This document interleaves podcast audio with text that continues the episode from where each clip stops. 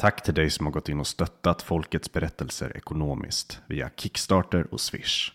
Vi vill rikta ett särskilt tack till Per Hallgren, Tom Engstedt, Erik Bergman, Henrik Jönsson, Johanna Hartman och Sebastian Tibbling.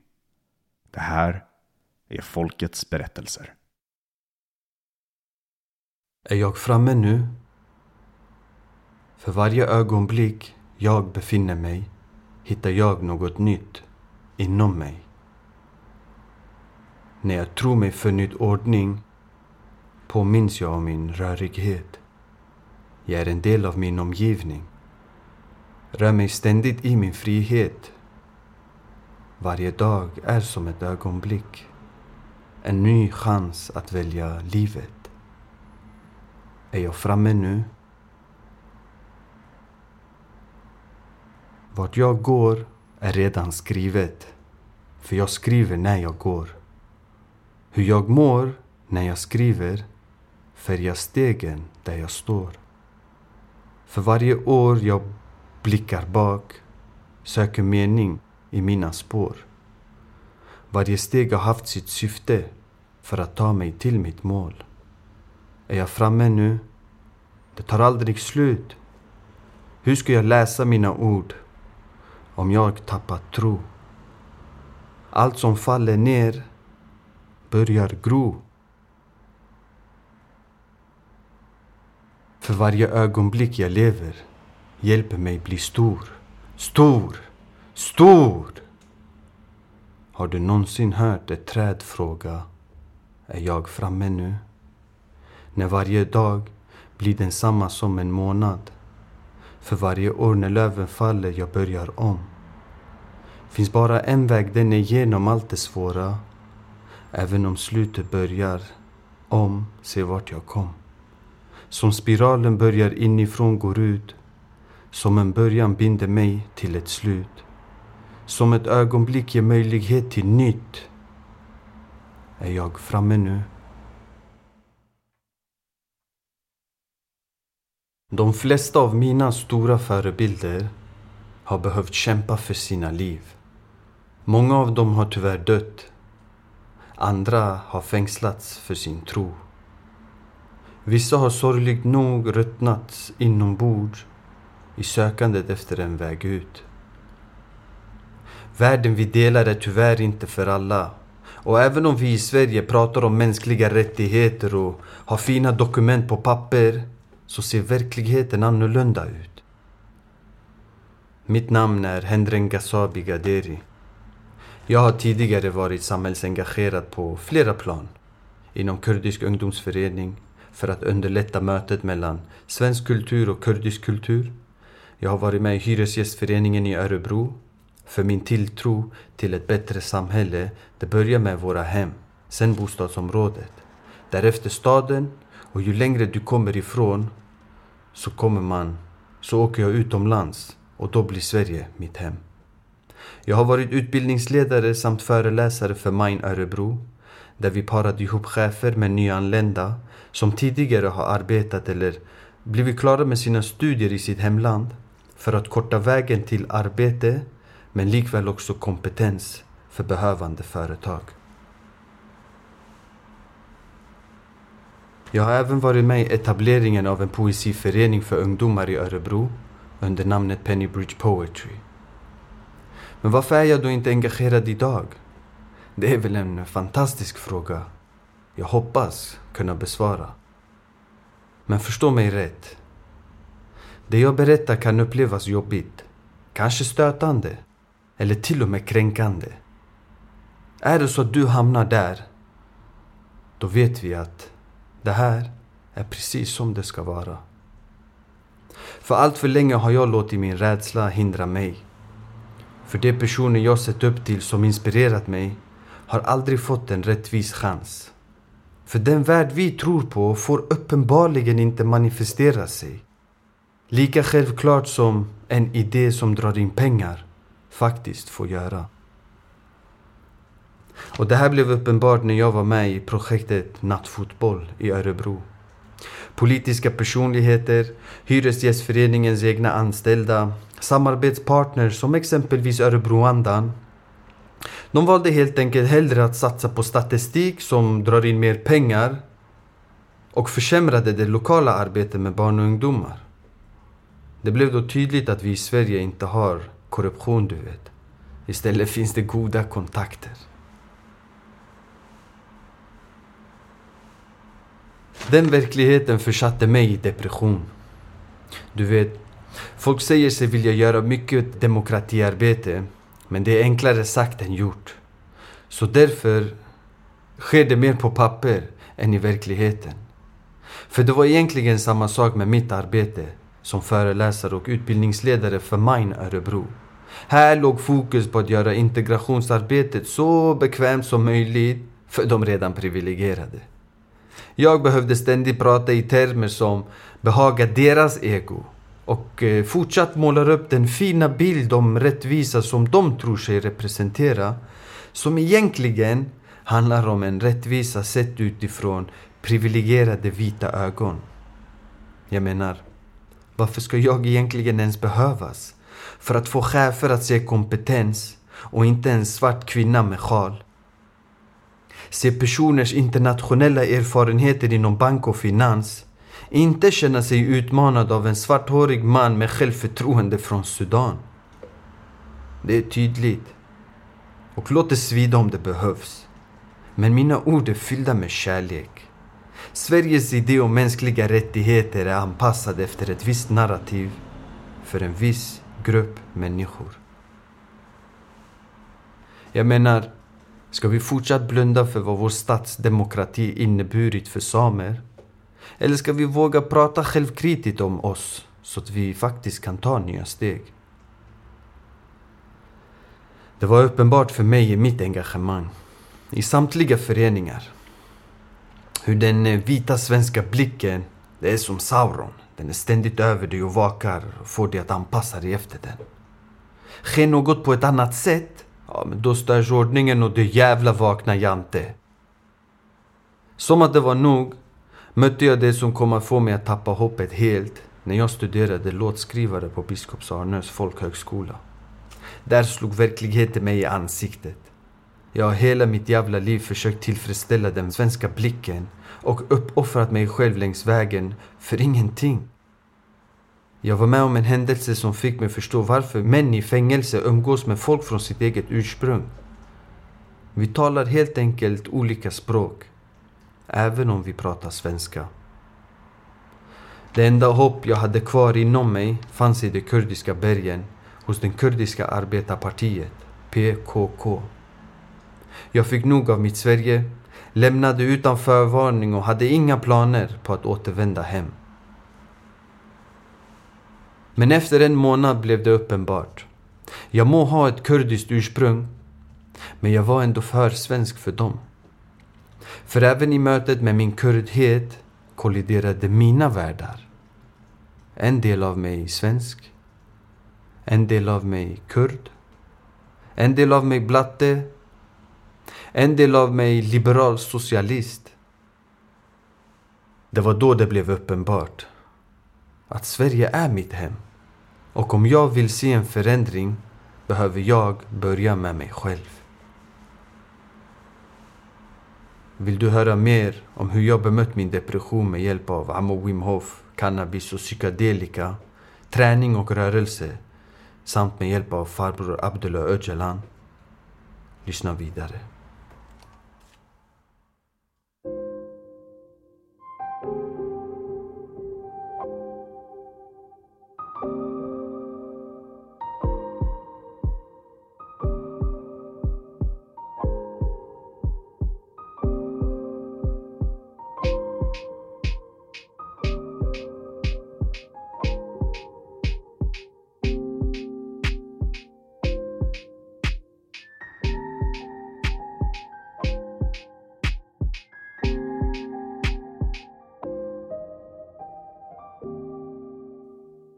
Fredag. Jag hade äntligen slutat skolan för veckan. Allt jag kunde tänka på var att komma hem och ta det lugnt. Laga god mat, lyssna på musik och rulla med en sköning. Men först, låt mig backa bandet några år. Jag var 17 år när jag provade första gången. Det blev inte så lyckat. Efter en halvtimme när min vän satt och manchade i sig massa gott till en komedirulle på tv-rutan hade min paranoia tagit över mig. Jag kunde inte riktigt slappna av och det blev inte bättre när jag trodde att jag hade skitit på mig för att det blev varmt om götten. I nojan berättade jag för min vän med hopp om tröst och vägledning. Han var mer erfaren än mig. Men allt jag fick var ännu mer skratt för att sedan höra Det är lugnt. Till slut reste jag mig, hukade hela vägen till badrummet för att checka läget. Inget hade hänt. Det var bara jag som inte riktigt kunde slappna av. Ett halvår senare chillar jag med några vänner. Jag är 18 år nu. Vi meckar upp en bit bruning och jag röker den som om jag vore en lokförare. En kvart senare ligger jag på golvet, helt blek och kan knappt röra mig. Det var första gången jag snedtrippa, som det kallas. Efter det blev jag tveksam. Kanske det ändå inte är något för mig. I mina äldre dagar har jag kommit till insikten att livet kan många gånger vara utmanande och på olika sätt kräva av en individ mer än den egentligen orkar. Det har fått mig att förstå hur min flykt från att bemöta livet blev genom att verkligen försöka skapa en relation med cannabis. Det var som att det bara behövde ske. Så två år senare är jag där igen. Nu som student på universitetet i Västerås var det inte heller enkelt att undvika doften eller de sociala miljöerna som ständigt hade med cannabis att göra. Jag var sen med att prova alkohol egentligen. Började första gången vid 17 års åldern för att sedan vid 18 år dricka mer frekvent i samband med kroglivet och för att leva upp till relationen mellan att vara full och att festa. Det var dock inte riktigt min grej. Så av en slump kontaktade en vän mig som jag lärt känna på ett kampsportcenter i Västerås. Vi träffas hemma hos mig för att hänga, spela Fifa och äta gott. Han tar fram lite röka, berättar om växten och varför den doftar som den gör. Han visste sin grej yani. Jag berättade om mina snedtrippar och den komplicerade relationen jag haft till växten men att jag gärna provar lite med tanke på tryggheten i sammanhanget och att det kanske, för den här gången, kommer att gå. Att jag äntligen ska kunna få känna det där alla snackar om. En timme senare sitter jag på huk i badrummet, över toaletten och låter det som behöver komma upp genom halsen och ut ur munnen. Det här är också så kallat en snedtripp. Fick jag lära mig den lite jobbigare vägen. Tack för mig. Tredje gången och det fortfarande ska bli så här. Det är nog inget för mig. En månad senare styr vi upp en förfest i min studentlägenhet. Några studentvänner är med och jag får besök av en god vän till mig sen innan. Bland allt drickande fanns det även en färdigrullad joint som delades till de som var sugna. Jag var självklart tveksam och höll mig först till mitt drickande. Till dess att jag grubblat för mig själv och med mina vänner att ändå smaka lite. Den här gången är jag berusad av alkoholen. Så min vän säger att jag inte behöver röka mycket alls. Kunde han inte sagt det tidigare? Den kvällen blev jag en succé. Jag mådde dönder och vi hade en fin kväll tillsammans. Gick på krogen, festade loss och hade skitkul. Efter det bytte jag successivt ut alkoholen och festandet mot hemmakvällar och röka. Det var ett mysigt sätt att koppla av från studierna, skapa trevlig stämning med vänner och njuta lite extra av det goda. Det var väldigt sällan till en början. Någon gång varannan månad, vid någon speciell helg eller firande. Efter två och ett halvår som student i Västerås var det dags att åka på min andra resa till Kina, Shanghai. Denna gång som utbytesstudent. Sommaren 2014 var jag tillbaka från min resa. Denna gång hade en annan del av mig tagit mer plats inom mig. Innan jag skulle åka iväg fick jag möjlighet att mellanlanda i Örebro hos min storebror som nyligen hade återvänt från de kurdiska bergen efter vistelse hos PKK, Kurdistans arbetarparti. Innan den resan var han så kallad ungdom som gått vilse bland kriminalitet. Nu fick jag istället möta en samhällskritisk och filosofiskt intresserad storebror, vilket passade mig väl i tid, då jag kommit till att bli allt mer nyfiken på livet. För under mina studier på universitetet inom det datavetenskapliga programmet med inriktning för spel växte även mitt filosofiska intresse för livet allt mer. Frågor om spelens påverkan på mig som barn och ungdom, vem som skrivit historien bakom spelen och varför man skapat de narrativ som spelen har gjorde mig allt mer intresserad i att förstå hur saker och ting kommit till. Från spel till samhället blev frågor om regler och lagar, moral och etik, rätt och fel, liv och död allt mer aktuella i min vardag. Hos min storebror kunde jag diskutera dessa ämnen på olika sätt samt ta del av hans perspektiv kring samhället, hur staten är en viss modell för ett samhälle och hur demokratin egentligen är menad att fungera här i Sverige men hur pengar kan komma emellan mänskliga värderingar. Allt eftersom vi diskuterade under en månads tid innan min avfärd blev det uppenbart att alternativet demokratisk konfederalism som Abdullah Öcalan skrivit om fångade min uppmärksamhet allt mer. Orden vi delat sinsemellan kom att prägla min tid i Kina. För jag var såklart inte nöjd där. Min nyfikenhet i mötet med Kina grundade sig i att Abdullah Öcalans teorier härstammade från marxism som jag sen kom att förstå var en del i grundandet av marxism som i sig legat till grunden för kommunism, vilket Kina påstods vara kommunistiskt.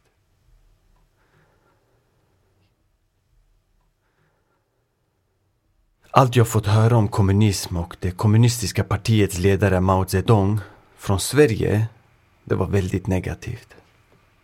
Även fast bilden i Kina var tvärtom.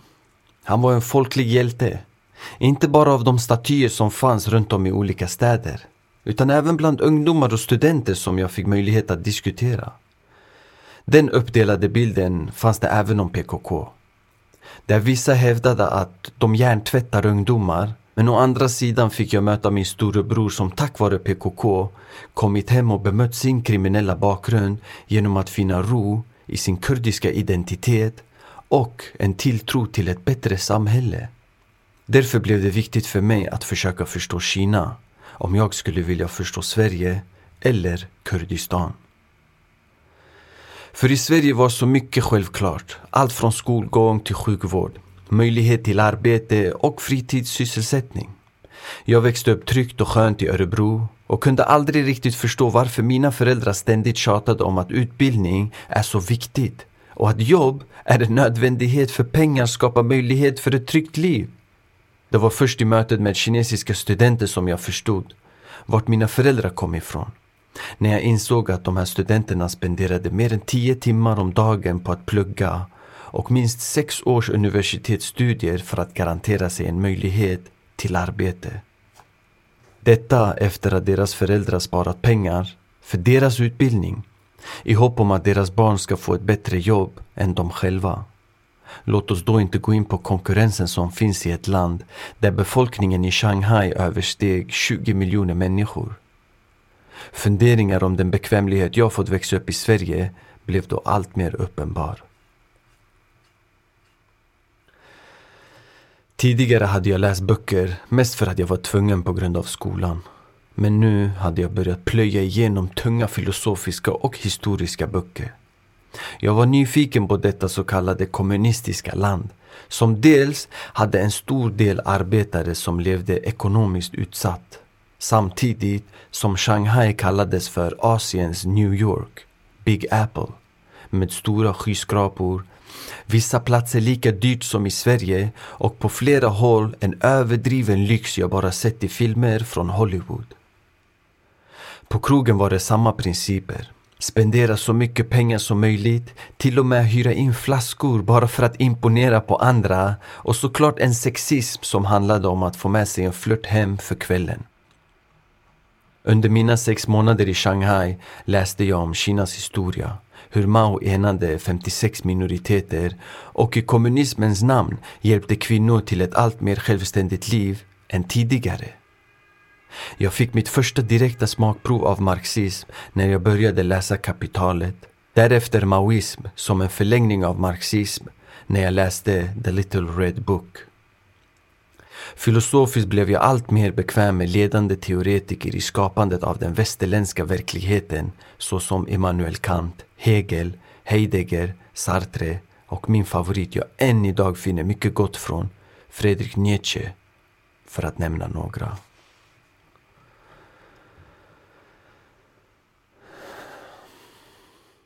När jag då återvände till Sverige sommaren 2014 bestämde sig en del av mig att bojkotta fotbolls-VM i Brasilien.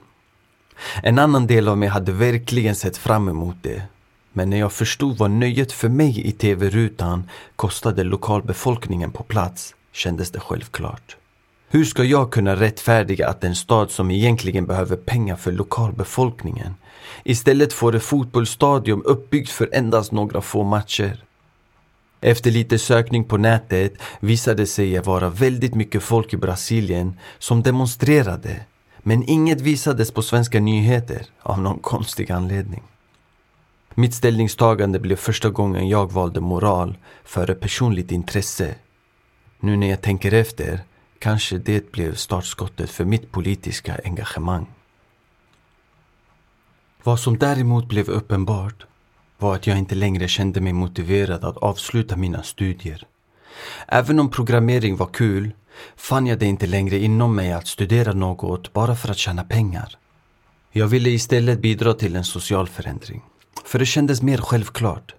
Jag menar, Mao var en hjälte bland kineser jag träffade fastän bilden om honom i Sverige var hemsk.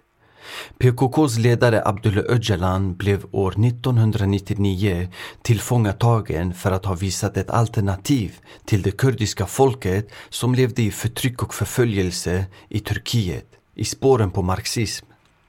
Mitt samhällskritiska tänk var uppdelat mellan väst och öst, mellan liberalism och socialism, till slut även mellan svensk och kurd.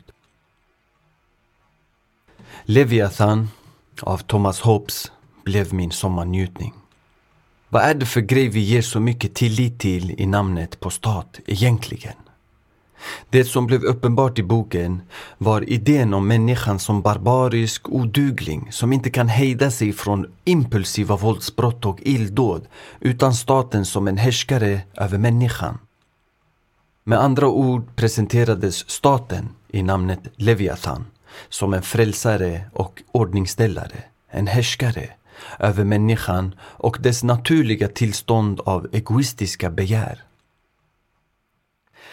Den boken kom att bli min trygghet när jag fick möjlighet att delta på ett läger för kurdiska ungdomar som min bror rekommenderade för mig. Jag var skeptisk till en början och fann inte riktigt ett intresse för att gräva i min kurdiska historia.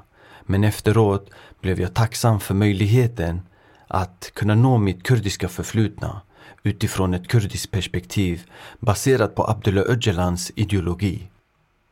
Tidigare har jag annars tagit del av kurdisk historia baserat på ockupationsstaters narrativ. Berättelser som färgats av förtryckare som givetvis skriver historien efter eget intresse. Det blev dock allt mer intressant att läsa mer om Abdullah Öcalans ideologi när jag förstod att några motiv som är starkt sammansvetsade med ideologin handlar om att ett samhälle endast kan bli fri när kvinnan är fri. Eller att Kurdistans frihet inte kan ta formen av en stat eftersom att det hade inneburit att andra minoriteter skulle utsättas för förtryck och därmed lever en förtryckare heller aldrig i frihet. Jag blev därför väldigt intresserad i idén om demokratisk konfederalism som det alternativa systemet för Mellanöstern som är inspirerad av Murray Bookchins naturalistiska dialektik. Med andra ord grundar sig demokratisk konfederalism på ett annat än vare sig Hegels immateriella dialektik eller Marx materialistiska dialektik i frågan om vad som påverkar det ena mer än det andra i skapandet av något nytt.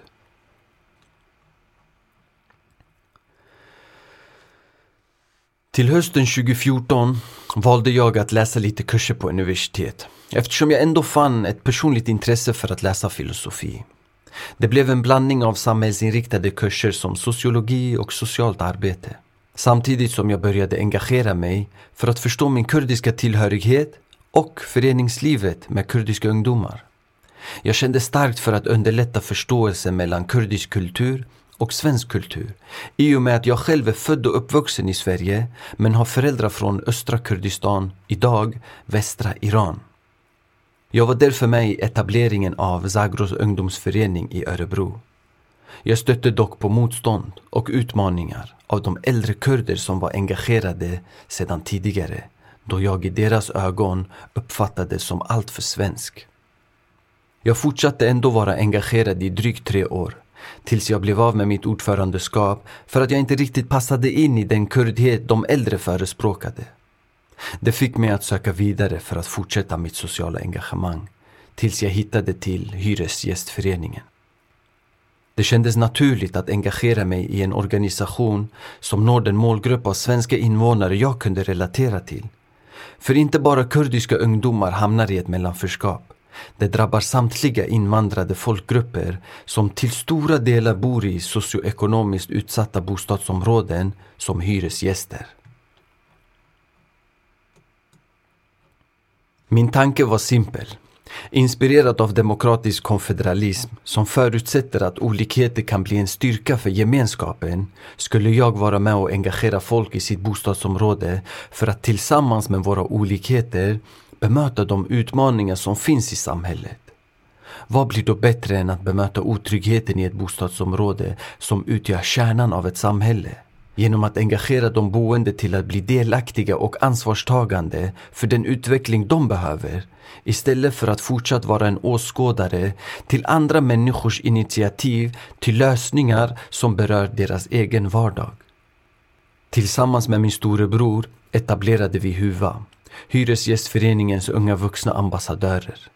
Då även Hyresgästföreningen hade utmaningen med att nå ut till hyresgäster som dels hade ett annat påbrå men likväl var under 65 år. Utgångspunkten var alltså att få ungdomar att vara med i processen till att påverka det lokala bostadsområdet. Likväl att bredda den sociala mångfalden inom Hyresgästföreningen för att vara mer representativ i både ålder och kultur. Det gick väldigt bra tills dess att lokala intressen krockade med byråkratiska. Men det återkommer jag till. Parallellt med mitt engagemang för ungdomar i Örebro hittade jag till en förening som ville påverka mångfaldsarbetet i Örebro under namnet Open Up. Det var en förening som med hjälp av events och lokala möten försökte bygga en nära relation mellan näringslivet, den offentliga sektorn och civila samhället i arbetet med mångfalden. Genom Open Up fick jag vara med i etableringen av Mine Örebro, som inspirerades av Mine Malmö. Ett koncept som handlade om att korta sträckan för nyanlända med kompetens från sitt hemland. Att hitta en snabbare väg in till arbetslivet. Och för företag att hitta relevant kompetens för sin verksamhet genom mentorskap. För oss i Mine Örebro låg fokus på att nå chefer från små företag till stora. För att erbjuda dem att bli mentor för en nyanländ inom samma branschområde som då skulle bli lärjunge. Under sex månaders tid gav vi en utbildning inom kulturkompetens samtidigt som mentorerna och lärjungarna träffades på eget initiativ. Att förstå Sveriges självklarheter utifrån tänkte vi skulle kunna ge bättre förståelse för oss som svenskar och de utmaningar som finns med att lära sig svenska seder och vanor. Det blev dock mer uppenbart för mig med tid att detta tillvägagångssätt var ett lindrigare sätt för redan privilegierade vita egon att bemöta den rasistiska strukturella ordning som dikterar svenska normer. För mitt arbete det handlade lika mycket om att korta sträckan för nyanlända till ett kompetensbaserat arbete genom att förklara svensk kultur och arbetsmarknaden som det handlade om att hjälpa chefer bemöta sina fördomar gentemot människor från andra kulturer för att istället lägga fokus på att se deras kompetens. Med det sagt menar jag inte att samtliga chefer aktivt strävar efter rasistiska värderingar eller har suttit i sin källare och planerat hur de ska underminera människor från andra kulturer, deras mänskliga rättigheter. Jag syftar snarare på den demokratiska uppfattningen och förståelsen för mänskliga rättigheter som fått ett rättfärdigande i den svenska medvetenheten att vara anpassad efter ett visst narrativ. För att du som människa ska bli accepterad är det införstått, medvetet som omedvetet, att du ska förhålla dig till den modellen. Annars motsätter du dig den svenska självklarheten för demokrati. I värsta fall kan du även upplevas fientlig gentemot den. Fast med dessa ord fyllda med kärlek, omtanke och välvilja snarare ämnar jag att vara kritisk till den centraliserade idén om mänskliga rättigheter som genom nationalstaten och idén om ett homogent samhälle redan vid etableringen motsatte sig andra minoriteters självbestämmande rätt för sin egen existentiella fortlevnad och självständiga överordning. Med andra ord har exempelvis samer ständigt varit utsatta av den svenska staten och dess demokratiska värderingar som i relation till andra nationalstater varit föredömligt men mot samer inneburit ett kulturellt och existentiellt förtryck. Jag känner därför att den naturliga evolution vår demokratiska process behöver för att vi i enlighet med de mänskliga rättigheter vi strävar efter ska kunna tillgängliggöra våra brister som nation. För att hitta bättre lösningar för den gemensamma värld vi lever i och vill vara del av.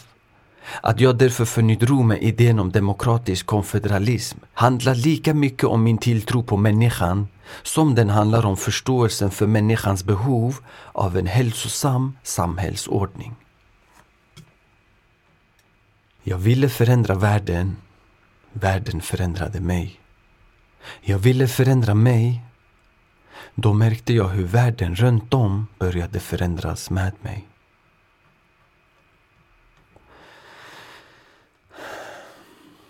Minns du att jag nämnde hur lokala intressen kolliderade med byråkratiska? Den verkligheten underminerade hela mitt engagemang, försatte mig i depression, till och med fick mig att ifrågasätta mitt liv, även längta efter döden. När vi kommit igång som bäst med Huva i Örebro hade vi dragit igång ett sommarprojekt tillsammans med tjänstepersoner i HGF, Hyresgästföreningen, under namnet Nattfotboll som bidrog med många positiva effekter. Första sommaren låg fokus på bostadsområdet Oxhagen som resultat av de oroligheter som hade uppmärksammats på nyheter både lokalt och nationellt. Det fanns därför ett stort intresse från HGF, det kommunala bostadsbolaget Örebro Bostäder och Örebro kommun att hitta en lösning som skulle kunna besvara de här oroligheterna som hade uppmärksammats. Genom ett gränsöverskridande samarbete mellan olika föreningar blev alternativet nattfotboll. Vår ambition som huva var att stärka dialogen och relationen mellan de boende och Hyresgästföreningen samt att inspirera till lokalt engagemang genom ett långsiktigt arbete av både ideella krafter och möjligheten till arbete genom projekt. Det gick väldigt bra det första året och Huva kunde värva flera ungdomar till sitt engagemang och inspirera fler bostadsområden till liknande aktiviteter runt om i Örebro. Genom det ideella engagemanget kunde vi inspirera och uppmuntra till att vara med och påverka i sitt bostadsområde. Vilka andra möjligheter som fanns i det civila samhället och vad en organiserad kraft av individer med ett gemensamt mål får för förutsättningar att påverka. Genom projekt och samarbete med andra organisationer kunde vi bygga hälsosamma relationer mellan boende, tjänstepersoner och bostadsområden. De ungdomar som visat sig intresserade och engagerade i det ideella arbetet kunde genom projektanställningar eller samarbetsmöjligheter med exempelvis fritidsgårdar få jobb som ungdomsledare. På så sätt blev de förebilder för andra ungdomar och barn. Att dels engagera sig ideellt, men likväl att arbetet var en möjlighet som fanns, även för boende i ett socioekonomiskt utsatt område. Vi kunde på så sätt bryta den mörka bilden att samhället inte bryr sig. Genom att vi stärkte självbilden hos de ungdomar som faktiskt var med och påverkade sina egna liv, sitt bostadsområde och till och med andra ungdomar och barn genom sitt förebildande. Jag förstod det inte då, men har i efterhand insett hur detta engagemang Huva väckte bland ungdomar blev intressant för många aktörer i samhället. För jag tillsammans med min storebror var bara en bit av den kaka som bakades av samtliga ungdomar och unga vuxnas intresse för samhällsengagemang i Huva. Vi lyckades även skapa en poesiförening under namnet Pennybridge Poetry, men det får jag prata om vid ett annat tillfälle. De kommande åren blev därför motsättningarna många. Inom HGF blev intressena splittrade mellan Huva och tjänstepersoner. Mellan samarbetspartners och Huva blev det likväl meningsskiljaktigheter som sakta men säkert fick nattfotbollen att helt och hållet ändra karaktär och syfte.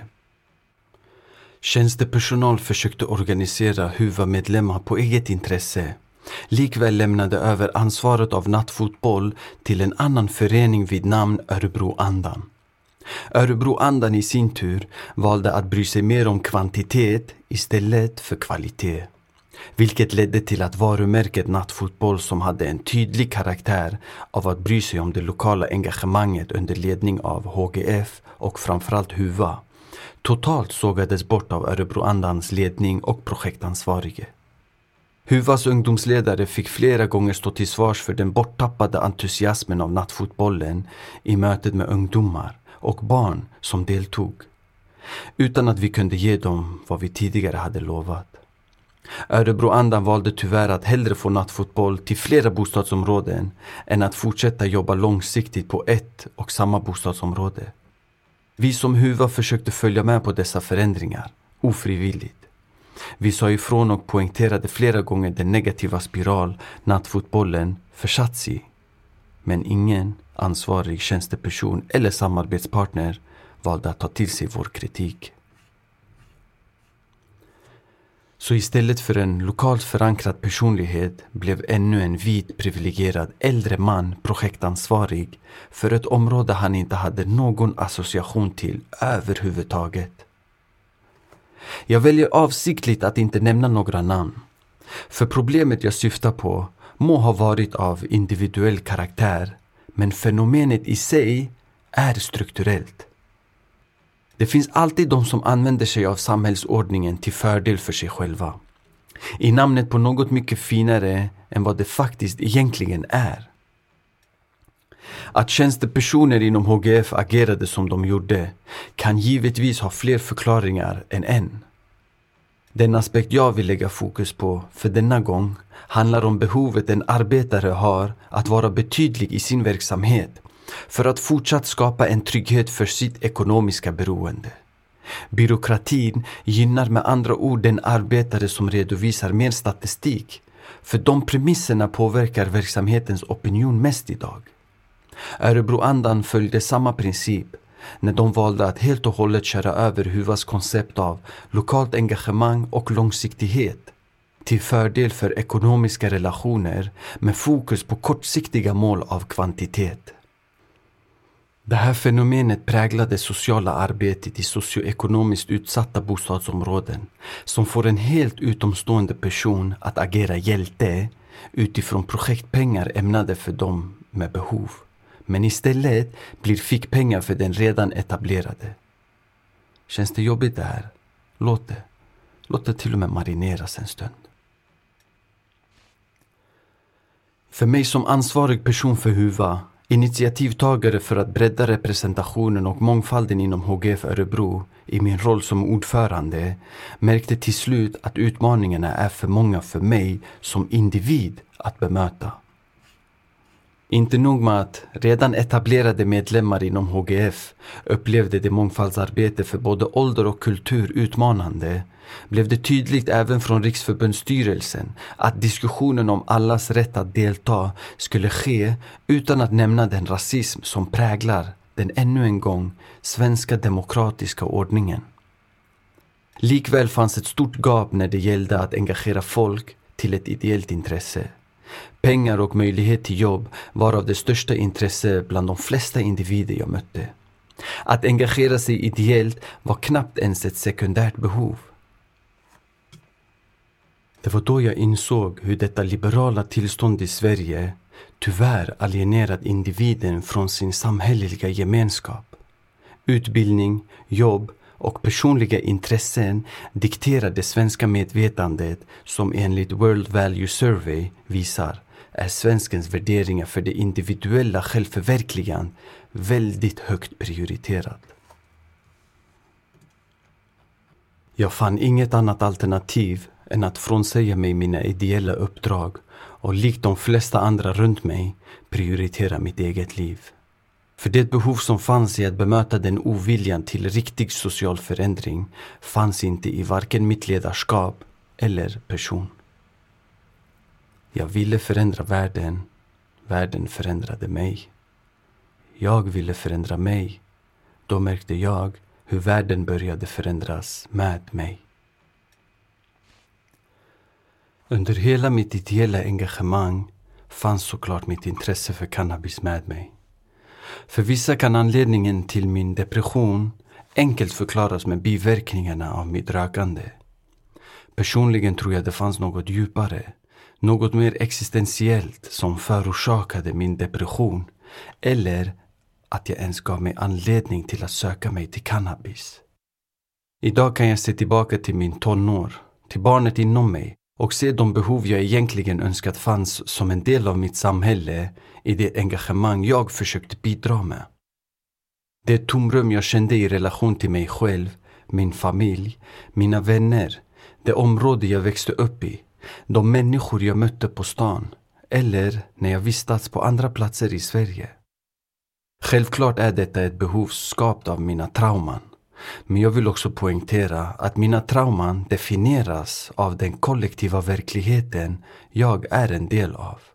Att därför vara barn till föräldrar som flytt förtryck, krig och misär med en kurdisk bakgrund som tillhör en kultur av kollektivt välmående samtidigt växa upp i Sverige som redan vid 1960-talet till och med inom socialdemokratin präglats av liberala tendenser som idag kommer till uttryck av en extremistisk individualism får mig att undra, vad är trauma egentligen? Vems bild av emotionellt hälsosamma beteenden vill jag faktiskt efterlikna och förstå? Jag vet att jag inte är ensam. Det finns fler som mig, som i sökandet efter att läka sig själva försökt bidra till sin omgivning. Det är inte bara bundet till personer med invandrarbakgrund, snarare personer tillhörande kollektiva kulturer. För även i Sverige fanns en gång i tiden en stark gemenskap som med tilltro på människan fostrade ödmjukhet och respekt. Dock i en tid då Sverige varit mer homogen än idag. Ordspråket ”det krävs en by för att uppfostra ett barn” har inte undgått det svenska medvetandet. Lika lite som arbetare organiserade sig kollektivt vid början på 1900-talet för att etablera exempelvis HGF eller andra liknande ideella föreningar som än idag präglar demokratin i vårt land. Det kanske därför inte enbart är en individuell fråga det här med trauma. Ett samhälle eller en grupp ett kollektiv, kanske även kan uppleva och definiera trauma utifrån den existentiella verkligheten de gemensamt delar. Det blir därför än mer intressant att förstå det svenska medvetandet som i riktning av individualitet kommit att splittra sitt kollektiva medvetande till den grad att det enbart är nationalstatens uppgift att säkerställa den nationella säkerheten på idén om att återställa Sverige till sitt tidigare alltmer homogena skick med tydliga svenska värderingar, regler och lagar. Vägen är redan skapt, gränser stängda och en politik som tappat fotfäste för intresset att locka så många röster som möjligt. Men varför trauma upplever denna majoritet? Som kan komma att förtrycka andra människor för rätten att hävda sig själva. Är det ens en trauma när de är en majoritet? Jag tror personligen vi upplever samma rädsla i mötet med den kaosartade verkligheten marknadsekonomin bidragit till. Kapitalism är inte enbart en fråga om ekonomi, snarare en fråga om kultur som inte ämnar för ett mänskligt varande eller en human livsstil med en vilja för samexistens. Allt vi får lära oss av denna kultur som kommit att prägla oss idag är hur utbytbara vi är som objekt i relation till det intresse som för tillfället dikterar vårt samhälle. Vilket i sig speglas i arbetsrelationerna där människor fram till en viss ålder har betydelse. Eller hur enkelt ett större företag kan byta ut en arbetare mot en annan. Relationer har kommit i allt högre grad att vara lika bestämda av ett bäst före-datum som en produkt på grund av olika omständigheter av kapitalistisk karaktär. Individen efterliknar staten allt mer, som är det högsta levande väsendet vi ser som förebild. Och likt världens stater agerar individen efter personliga intressen utifrån ekonomiska och karriäristiska drag. På bekostnad av relationsbaserade gemensamma intressen. Internt dikteras individen av sociala normer som får pengar och personliga intressen att bli morot för ett institutionaliserande självförverkligande. Du minns det jag nämnde om nattfotboll och hur utomstående individer får möjlighet att ta fördel av skattepengar ämnad för socioekonomiskt utsatta bostadsområden. Dessa personer lyckas enbart för att de på något sätt har goda kontakter i det området med hjälp av pengar. För pengar driver en individ starkast i ett marknadsekonomiskt system som lever på konkurrenskraft istället för en kooperativ förening för ett gemensamt ändamål. Kapitalism livnär sig likväl på sociala privilegier som inger en känsla av status. Det var trots allt lockande, väldigt lockande för mig att på så kort tid få möjlighet att nå den hierarkiska toppen av näringslivet i Örebro. Eller vistas i närheten av den högaktade position av förbundsstyrelsen inom Hyresgästföreningen samt få möjlighet att diskutera med dess ordförande. Allt eftersom insåg jag hur denna process kostade mig mina värderingar bara för tilltron jag hade på att behaga vita privilegierade egon. Personligheter som levt ett liv med en världsbild av att vara öppensinnade, demokratiska och så ödmjuka i mötet med olikheter kände sig ändå utmanade när en blatte berättade om sin upplevelse med den vita blicken. Det var ändå aldrig tillräckligt. För diskussionen är alltid anpassad efter de som redan har det bra. Narrativet är deras. För smärtan, orättvisan de ändå bidrar med, medvetet som omedvetet, den gör för ont för dem att äga. Precis som männen alltid skyllt ifrån sig kvinnans klagomål. Även om metoo öppnade upp samtalet är det fortfarande de förtrycktas roll att bära tyngden av männens brister. Så svartskallarna får förlika sig med att fortsätta bära bördan av den mörka verklighet som skymmer siktet för den ljusa värld vi egentligen kan skapa tillsammans. Om även vita egon kan se sig själva genom de förtrycktas ögon för en stund. Jag ville förändra världen. Världen förändrade mig. Jag ville förändra mig. Då märkte jag hur världen började förändras med mig. Till slut släppte jag taget, slutade jobba, slutade engagera mig i offentliga rum. Låg för det mesta hemma och tog det lugnt. Umgicks med vänner, rökte cannabis och orkade med egentligen ingenting. Och jag vill ändå få det här sagt. Hur mycket jag än gillar cannabis så blev det ändå självklart för mig vilket gift är mål, depression och cannabis är. Som tur var hade jag fina vänskapsrelationer och musiken. På något sätt fick jag utlopp för mitt inre genom skrivandet och en gammal sida av mig fick liv igen. Nu i efterhand har det blivit tydligt hur depression är ett annat ord för att den inre världen möter motstånd med den yttre gemensamma världen. Musiken, de genuina stunderna med mina nära och kära och min vilja att tro på något bättre fick mig därifrån. För även om jag inte är offentligt engagerad längre tror jag definitivt på en bättre värld. Jag har bara behövt omvärdera vägen dit. Den värld Abdullah Öcalan pratar om och dedikerat sitt liv för. Den värld som kräver kvinnans frigörelse innan samhället blir fritt. Den värld där nationalstaten utvecklar sig till en demokratisk nation utifrån idén om demokratisk konfederalism där olikheter istället blir en förutsättning för samhället är en del av den värld som inspirerat mig på samma sätt som våra äldre gjort i Sverige med starten av den folkrörelse som tog fart i början på 1900-talet. Jag undrar dock om vi verkligen ska behöva lida mer innan vi söker efter ett bättre alternativ. Nu försöker jag dock finna ro i livet. Bry mig om det lilla och uppskatta de små sakerna som får en dag att få sin mening. Tack vare en vän som såg mig i dimman av mitt rökande och ständiga flykt från livet erbjöd han mig att hänga med på en utflykt till naturen. Lite visste jag att han hade med sig LSD och farbror Ramdas.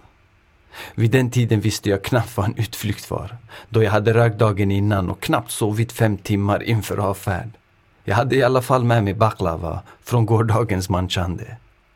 Det blev startskottet för ett nytt liv för mig och mitt intresse för den österländska filosofin som alltid funnits med mig innan genom kampsporten. Nu fick den åter mer plats i mitt liv. För det var något med LSD som fick mitt huvud att slappna av och min kropp att träda fram. Jag fick smak för livet igen, för solskenet, den friska luften i naturen, den vackra blå himlen och stillsamheten av tystnad. Samtidigt fick jag lyssna på en personlighet som gjort en speciell resa i sitt liv. Från att vara en högt presterande professor i en av världens mest anmärkningsvärda universitet i USA till att bli utslängd på grund av användandet av psykedeliska preparat och slutligen finna ro hos en guru i Indien. Ramdas nådde mig på djupet. Jag vet inte om det var den sociala motsättningen till samhällsnormer eller det ljuvliga i att finna lyckan i något så simpelt som lockade mig vidare i denna värld av inre harmoni. Det jag ständigt påminns om sedan jag varit ung vuxen och samhällsengagerad var en nyfikenhet kring idén att varje dag kunna få vakna upp som ett oskrivet blankt blad.